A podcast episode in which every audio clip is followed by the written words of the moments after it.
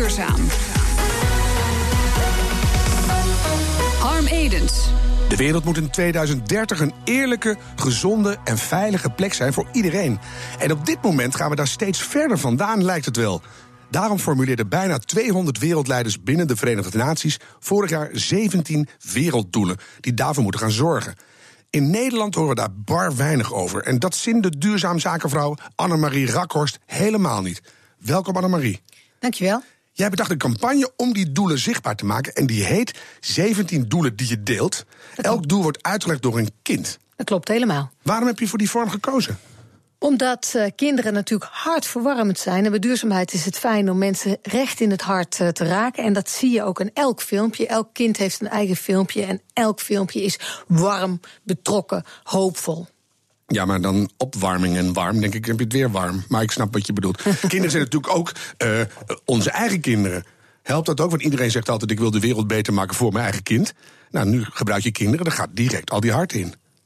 Ja, zeker. Dus ik denk dat mensen erg betrokken zijn bij hun kinderen. En ook zeker bij hun eigen kinderen. Althans, dat mag je hopen. En het is heel fijn dat daarmee uh, de toekomstige generaties in ieder geval een mooiere wereld krijgen. Ja, en heeft het er ook mee te maken dat kinderen simpel kijken en ondertussen gruwelijk eerlijk zijn? Ja. Dat is zeker zo. Dus het juist simpel uitleggen met heel veel respect bedoeld naar alle kinderen die dat gedaan hebben, is zo belangrijk. Want het zijn toch wel gecompliceerde termen. Sustainable Development Goals is een heel erg moeilijk woord. 17 doelen die je deelt, een stuk makkelijker. Ja, hoe heb je die kinderen gevonden? Heb je kinderen voor kinderen gebeld? Want dan heb je meteen de juiste R voor duurzaam. Nee, het is eigenlijk komen alle kinderen uit het netwerk van uh, een geweldige mediapartner, Strawberry Earth. Een vrouwelijke ondernemer waar ik al jarenlang met heel veel plezier eh, mee werk met te velden. En zij hebben echt briljant werk geleverd door deze kinderen te zoeken. Wat nou zo leuk is, en ik kijk even naar de andere kant. Daar is zo'n kind. Leuk hè? Veerle van Santen, wat fijn dat je er bent. Hoe oud ben jij? Ik ben nu tien jaar. Maar toen je begon met die hele uh, 17 goede doelen, toen was je? Toen was ik negen. Je hebt nu al twee goede antwoorden gegeven. dat vind ik een opsteken. Waarom vond jij het, toen vroegen ze jou dat, waarom vond jij het belangrijk om mee te doen? Um, nou, mijn vader die doet zoveel met duurzaamheid. En als je kijkt naar hoe de wereld nu um, eruit ziet, dan, ben ik, dan denk ik niet dat het over een paar duizend jaar nog steeds zo goed gaat. Oh, dan zeg je het nog aardig, hè? Want een paar honderd jaar, een paar keer tien al niet meer zo goed. Ja. Nee. Ja, dat, en, dan, en dan maakte jij je zorgen om en toen dacht je, dan ga ik maar meedoen. Ja. Fijn. Welk doel heb jij gekozen? Uh, doel 7. En hoe heet dat doel? Schoon en betaalbare energie. Zullen we even een stukje luisteren hoe jij dat doet? Ja. Ik lig wel eens wakker van de Noordpool. En dat komt vooral omdat het is heel gek om te bedenken dat het later misschien geschiedenis is dat er ijs ligt op de Noordpool. Ja, ik krijg nou al kippenvel. Was het per ongeluk zo dat je zo praat of heb je daar heel hard op geoefend? Um, wel eventjes, maar niet al lang. Ja, dat klinkt zo mooi. En, en hoe gaat het dan verder hierna? Um... Dat weet ik gewoon, moet je luisteren. Ik snap niet dat ze nog steeds olie uit de grond halen. Als je weet dat het slecht is voor het milieu, kan je toch net zo goed de energie halen uit zon en wind. Als ik de baas van Nederland was, dan zou ik alleen nog maar schone energie gebruiken. Die bedoel ik nou een beetje, Annemarie. Ja, moeten we nog meer zeggen. Dat is Briljant. zo simpel. Briljant. Had je dat ook een beetje zelf bedacht, die tekst? Ja. Dus je zegt gewoon in twee woorden van jongens, het, de, de, de Noordpool raakt van zijn ijs af, dat is niet goed. En we moeten gewoon goede energie gebruiken. Zo simpel is het. Waarom doen we dat niet? Ja. Jeetje. En, en nu, Annemarie? Nou, dat maal 17. Er zitten ja. natuurlijk een heleboel uh, belangrijke doelen uh, bij. Mm -hmm. 17 verhalen die je recht in je hart raken met allerlei oplossingen. En wie moet daar nou naar gaan luisteren? Want je zou zeggen, de politiek, ja, die weten het stiekem, maar ze doen het niet. Wij, of, ondernemers. De, ondernemers, de bedrijven. Bedrijfsleven en de steden. Want in de stad gebeurt wel ontzettend veel. Heel veel ja, vormgeving van deze doelen begint in de stad. Mensen uh, met een andere mobiliteit, hè, dus elektrisch vervoer of gewoon openbare vervoer. Mm -hmm. Je huizen uh, verduurzamen. Maar dus ook de ouders. Zeker, Dus ja. die, die ja. kinderen die daarbij horen, die, die vader en moeder van Veerle, Ja. die dan zeggen: hé, hey, mijn kind zegt goede dingen, of de schoolgenootjes, en dan gaan we beginnen. Ja, we weten dat invloed van kinderen op ouders ongelooflijk groot is, ook op het gebied van duurzaamheid. En dat ze dan thuis allerlei wedstrijdjes organiseren om de energierekening naar beneden te krijgen of om duurzaam in te kopen. Dus gewoon verantwoord consumeren. Kinderen hebben een belangrijke invloed. Ja, die, die pakken de foute snoepjes en de goede energiekeuzes. Ja, zo is het. Ik vind dat een belangrijk punt. Zullen we die doelen, want die 17 dingen zijn zo weinig bekend, zei jij, zullen we ze even noemen? Zeker. En ik begin, doel 1, geen armoede. Geen honger. Dat is doel 2, hè? Doel 3, gezondheidszorg voor iedereen. Doel 4, iedereen naar school. We hebben in vier doelen al armoede, honger, gezond en naar school. Ja. Poeh. Doel 5, vrouwen en mannen zijn overal gelijkwaardig. Doel 6, schoon drinkwater en goede sanitaire voorzieningen voor iedereen. Het wordt erger en erger, hè? Doel 7, schone en betaalbare energie. En doel 8, een eerlijke en sociaal-economische groei. Doel 9, veilige infrastructuur en beschikbare kennis voor iedereen. En doel 10, gelijke kansen voor iedereen. Ik kijk even naar Veerle. Wat vind je tot nu toe de belangrijkste? Eh, ze zijn allemaal even belangrijk. Hoor je dat nou? Het is allemaal belangrijk. We gaan door. Waar waren we? Doel 11, leefbare, duurzame steden. En Daar heb je doel hem. 12, duurzame productie en consumptie. Doel 13, klimaatverandering stoppen. Doel 14, gezonde oceanen, zeeën en rivieren. Doel 15, gezonde bossen en een rijke biodiversiteit. Moeilijk woord, maar je weet het hè? Veel soorten. Ja. Ja, heel veel soorten. Doel 16, vrede, veiligheid en rechtvaardigheid. En doel 17, en dat, dat is eigenlijk alles bij elkaar geveegd... samenwerken voor de werelddoelen. Als je dat in drie woorden samenvat, Annemarie Veerle... dan krijg je volgens mij eerlijk, gezond en veilig. Zo is het precies. Toch? Ja. Of in drie andere woorden, gaat nooit lukken. Lukt wel. Het zijn er maar twee. Ja, maar hoe krijg je mensen zover dat ze denken... dat gaat gebeuren, hoe dan ook? Door het succes te delen wat er is gemaakt al. Dus eh, bijvoorbeeld, een doel van de millenniumdoelen was... honger in 15 jaar halveren. Dat is in 12 jaar gelukt, alleen niemand weet het. Beetje jammer. Gat in de ozonlaag gaat het hartstikke goed mee. Die is weg. Zo is het. Zure regen, opgelost. Maar zo zei een professor, dat waren kleine dingetjes in vergelijking bij dit. Oh, er gebeuren zoveel grote dingen op, eh, op de wereld. En wij kunnen dit met elkaar. We moeten het echt laten zien. Zeker. Hey Veerle, jij zei in jouw filmpje... als ik over de Noordpool nadenk, dan lig ik wel eens wakker. Mhm. Is dat echt zo? Ja. Niet zo heel lang toch, hoop ik? Eh, soms wel. Oeh, dan ben ik blij dat je nou meedoet. Want je moet gewoon wel lekker goed slapen natuurlijk. Toen jij de campagne begon, toen heb je met drie CEO's van grote bedrijven gesproken. Hè? Ja. Met Marjan van Loon van Shell, Tom Buchner van Axo Nobel... en Jos Nijers van Schiphol. Wat heb je tegen ze gezegd? Ehm, ik heb allemaal vragen gesteld. Eh, en dat ging vooral over hoe het zij nou ehm, met duurzaamheid te maken hebben. En kreeg je goede antwoorden, vond je? Ja. Dus je hebt wel een beetje vertrouwen in ze nog? Ja. Het is belangrijk dat kinderen zo geloven, hè? Want deze tijd van transparantie, dan kom je niet meer weg met een hoop eh, flauwekul. Dat kan niet meer. Hoe nu verder, Annemarie? Wat moeten we nou gaan doen? Zou het bijvoorbeeld een idee zijn om alle politieke partijen nu te gaan doorrekenen met die 17 Sustainable Development Goals in de hand? Ik zeg aan de bak in de steden en ondernemers. Dus de 17 werelddoelen kun je prima naar een management tool vertalen. Dat loopt ook op dit moment. Je kan het in de onderwijs eh, eh, gebruiken. En vooral in de stad. Binnen vier, vijf jaar moeten alle investeringsbeslissingen genomen zijn om die steden klimaatproef te maken. Maar vooral ook om ze echt helemaal te verduurzamen. Dus eerst het geld. 200 miljard hebben we nodig volgens het rapport van McKinsey. Kom op. En dan pat de beuk erin. Gewoon zorgen dat het gebeurt. Vanaf vandaag. Niet meer praten, gewoon doen. Want als je weet dat over 20 jaar 80% van de wereldbevolking in steden woont, Ja. kunnen we maar een beetje op tijd beginnen, toch? Zo is het precies. Gaat het lukken, Veerle? Ja. Hé, klaar, simpel antwoord. Dankjewel, Annemarie Rakhorst en Veerle van Zanten.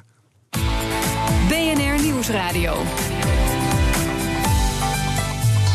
BNR Duurzaam. Gaven we vorige week nog kaarten weg voor Inspiration 360. Deze week hebben we kaarten voor de Dutch Sustainable Fashion Week. Althans, voor de Dutch Design Fashion Show van vanavond in Amsterdam. Cecile Schelen van die Dutch Sustainable Fashion Week. Wat valt er te zien vanavond? Uh, vanavond zien we met name de um, Next Generation Green Designers... die uh, voorop lopen in de markt en nieuwe technieken laten zien. Eigenlijk gewoon high fashion uh, op de catwalk. En, en kan je een paar namen noemen? Wie, wie zitten daar tussen te ontwerpen?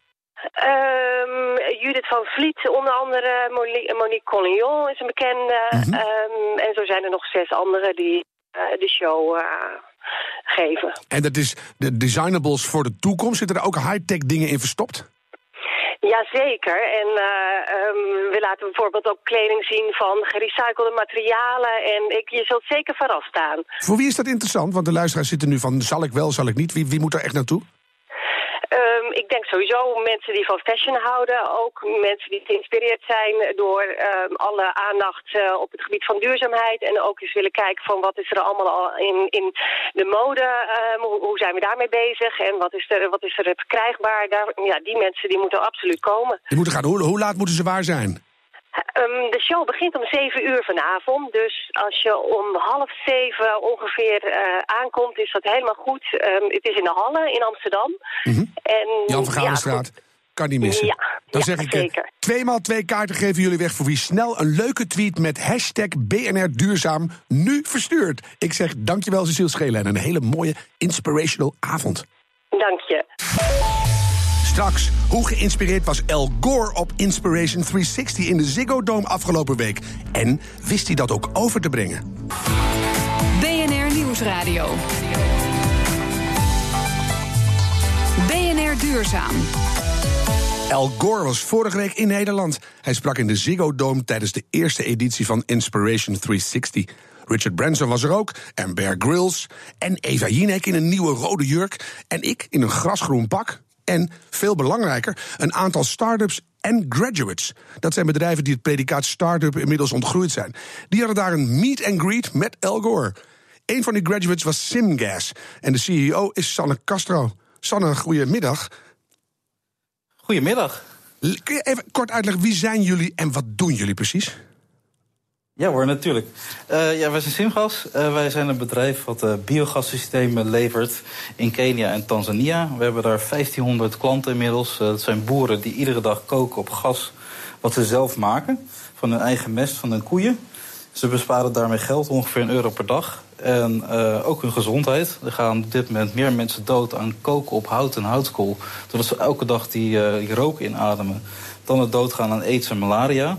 Dus het is veel gezonder om te koken op gas. En bovendien milieu, want uh, ieder gezin bespaart zo'n 5 tot 10 ton CO2-emissie ieder jaar. Uh, dus ja, zowel voor hun eigen portemonnee en de gezondheid als voor de wereld een beter idee. En wij leveren daar de biogassystemen. Er werken 80 mensen voor ons in Kenia en Tanzania. En we hebben een fabriek gebouwd in Tanzania om die systemen ook echt lokaal te kunnen maken en leveren. Ja.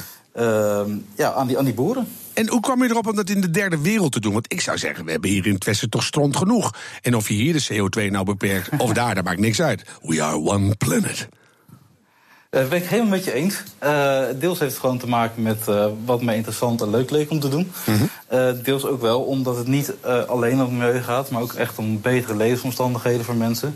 Mensen toegang geven tot duurzame, moderne energie. Uh, er zijn 2,5 miljard mensen op deze planeet die nog steeds koken op hout of houtskool. Wat erg slecht is uh, voor die mensen zelf. Ja. En 200 miljoen gezinnen hebben gewoon voldoende koeien, varkens of andere beesten om hun eigen gas mee te maken. En dat zijn ja, cijfers die mensen helemaal niet weten. Hè? Dat je koken op houtskool is heel slecht en kerosinelamp is heel slecht. Dat, dat, maakt zo ontzettend veel slachtoffers. Nou waren jullie in de Ziggo Dome. Wat was daar de achterliggende gedachte van? Waarom ging je? Um, nou, ik ging omdat ik uh, de gelegenheid was om El Gore een hand te schudden. Dat vond ik sowieso bijzonder. Maar El Gore is toch wel een held. Heeft uh, met zijn uh, presentatie toch wel een hoop mensen wakker geschud. heeft goed neergezet, zowel politiek als naar het bedrijfsleven... dat we echt urgent iets moeten doen aan het klimaatprobleem. En niet morgen. Hè. Het is een inconvenient truth. Mm -hmm. Maar we moeten wel vandaag handelen. Maar dat was tien en, jaar geleden. Dus, en, ja. en nu, zijn we, nu zijn we tien jaar later. Hoe, hoe was de meet and greet even, even kort tussendoor? Was die leuk? Uh, meet and greet was, nou, was niet echt geweldig. Uh, hij had echt, uh, ging echt voor zijn speech. Daar zat alle energie in. meet and greet moest er een beetje bij, merkten wij. het was wel heel erg leuk om met de andere start-ups daar te zijn. En groeibedrijven van Climate Kick. Ja. bijvoorbeeld Solis, die leveren zonnepanelen in Nederland. Of Akista, die maken pompen op, op waterkracht. Uh, ook voor ontwikkelingslanden. Ja, dat was heel tof. Uh, El Gore uh, die, die zat echt een beetje te wachten op het hoofdnummer. En daar, daar ging echt de spirit wel in hoor. Ik vind dat je het goed aan. Want ik was daar ook en ik zei tegen hem: moeten, moeten we echt samen op de foto of zal ik er gewoon een hand geven? Is dat leuker? ja, nou ja, precies. maar nou zei je net. en dat vind ik leuk. De, de ontmoeting met alle andere start-ups en graduates, dat is het, het meest waardevolle. Heb je daar goede dingen uitgehaald? En wat wordt jullie volgende stap nu? Nou, uh, kijk, onze volgende stap op dit moment uh, in uh, Kenia, beginnen we daarmee, ehm, zijn we ook al mee begonnen, is het leveren van de systemen op een soort van leasecontract. En dat gaan we nu vergroten. Dus we gaan iedereen, alle klanten de mogelijkheid bieden om niet in één keer 800 dollar of 600 dollar of voor welke maat systeem ze kopen vooraf te betalen. Uh, maar dat gespreid te betalen. Nou ja, daarvoor moeten we natuurlijk ook best veel geld ophalen. Want mhm. dat betekent dat je eigen verkoop eh, gaat financieren. Uh, nou, om dat groter te maken, dat is eigenlijk onze belangrijkste stap. En dat hebben we ook wel echt geleerd van andere bedrijven. Er zijn nu ook in Kenia al bedrijven heel erg succesvol met zonne-energie. nou, en Solis doet feitelijk hetzelfde in Nederland. In plaats van dat je je paneel op je dak nou ja, van tevoren gaat betalen, betaal je gewoon voor je energie. Mooi. En uh, die kant gaan we ook op met, bio, met biogas. Goed afkijken bij elkaar. En, uh, en ja, uh, als je als beginnende start-up hoorde ik nog, kun je bij Climate Kick je aanmelden tot 15 november. En daar kan je ook ja, goede adviezen krijgen. Ik ga je bedanken en heel veel succes wensen. Ja. Sanne Castro van Simges. Super, dankjewel. dankjewel. Fijne dag. BNR Nieuwsradio. BNR Duurzaam. Harm Edens. U kent ze vast nog wel, Floris en Ivar, zwervend over de wereldzeeën.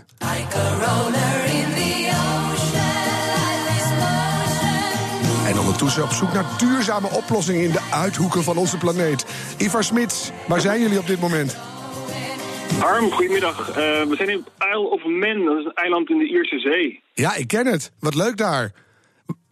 Waar zijn jullie geweest op, op weg naar de Isle of Man?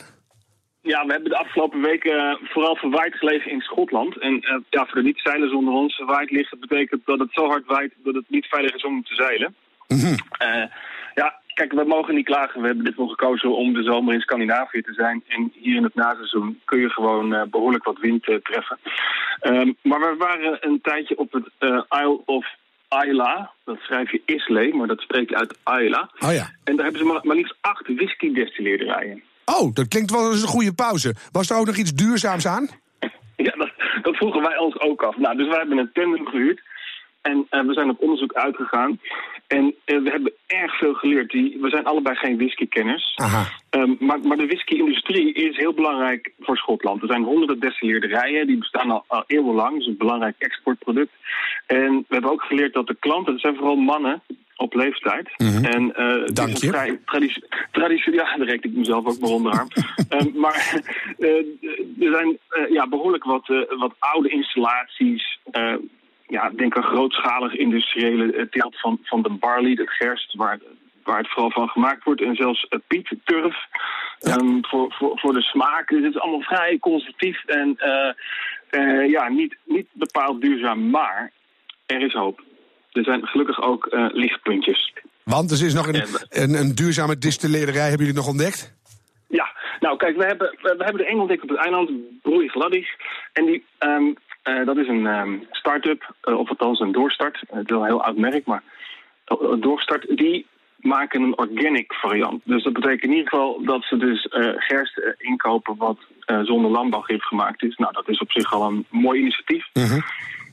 Um, ja, er zijn andere destilleerderijen die doen andere aspecten dan weer goed. Bijvoorbeeld is uh, Arna. Ja. Ik hoop dat ik het goed uitspreek. Die hebben het hele proces met renewable energy uh, opgezet. Ook een, een nieuwe destilleerderij. Ja. En er is eentje in de auto Hebrides Harris... die zich sociaal profileert door zoveel mogelijk handwerk erin te houden... en lokale mensen in te huren. Dus er zijn hier en daar wel lichtpuntjes. Maar om nou te zeggen, we hebben de duurzame whisky gevonden. Nee, helaas, dat, nou, uh, dat nog niet. Maar je maakt me toch blij. Want als Harris gaat bellen met die andere Inner Hebrides-eilanden... en ze delen alle kennis, dan komt het helemaal ja. goed. En dan kunnen we duurzaam dronken worden. Dankjewel en tot snel. Behouden vaart. Ivar en Floris, de Sailors for Sustainability. De minuut van de waarheid. Graan wordt bedreigd door klimaatverandering. Dat is voor de toekomst een serieus probleem. Lazen wij afgelopen week op nu.nl. Maar klopt dat ook? André van Arnhem ging het checken. Het bericht op nu.nl gaat over een nieuw Amerikaans onderzoek... waaruit zou blijken dat graan zich niet snel genoeg kan aanpassen aan klimaatverandering. Als het ergens te warm wordt, moeten granen zich verplaatsen... en dat kunnen ze te langzaam, stellen de onderzoekers. Factchecker deze keer is Pietrik Rijtsma, universitair docent... plantaardige productiesystemen aan de Wageningen University and Research. En zij zet meteen een kanttekening wordt bedreigd door klimaatverandering, maar niet zozeer om de reden die hier genoemd wordt.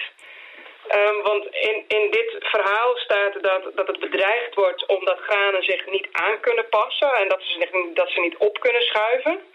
Uh, maar dat is niet de reden dat granen bedreigd worden, want dat opschuiven dat wordt door mensen gedaan en dat hoeft de natuur niet zelf te doen in de landbouw. Um, maar het wordt wel bedreigd, omdat klimaatverandering zorgt dat de opbrengsten lager zijn. Maar bestaat dat probleem van die te langzame verplaatsing dan helemaal niet? Nou, dat is een probleem voor meer natuurlijke soorten. Dus uh, voor de biodiversiteit is het wel een probleem. En uh, in de natuur moet de, de, natuur moet zichzelf aan kunnen passen met een bepaalde snelheid. En als de snelheid van de klimaatverandering te snel gaat, dan is dat een probleem voor natuurlijke soorten. Nou is het niet zo dat dit op ons afkomt en dat we er niks tegen doen. We doen eigenlijk al best veel. Rassen in de landbouw die worden door de veredeling worden ze verbeterd. Um, dus door de veredeling kun je zorgen dat je bijvoorbeeld meer hitteresistente gewassen krijgt. Of uh, rassen die meer resistent zijn door, tegen plagen en ziekten. Dus dat is iets dat we via aanpassing uh, moet er iets gebeuren. Maar ook op dit moment passen boeren zich al veel aan. alleen dat is in sommige gebieden gaat dat beter. bijvoorbeeld in Europa of andere ontwikkelde landen wordt het beter aangepast dan in landen in Afrika bijvoorbeeld. Maar gewoon zo doorgaan is niet voldoende. Er moeten echt een paar tandjes bij. Nou, als we, als we niks doen, is het een probleem. Maar als we nu inzien dat die klimaatverandering komt en ons daaraan aanpassen... en zorgen dat we de juiste rassen verbouwen en het juiste management ook toepassen... dan kan de schade wel beperkt blijven. Nou, toch nog goed nieuws. Het eindoordeel. Graan wordt bedreigd door klimaatverandering. En dat is voor de toekomst een serieus probleem. Dat was de stelling. En die beoordelen we als. Deels waar. Straks staat hier Mijnder Schut met BNR Spitsuur.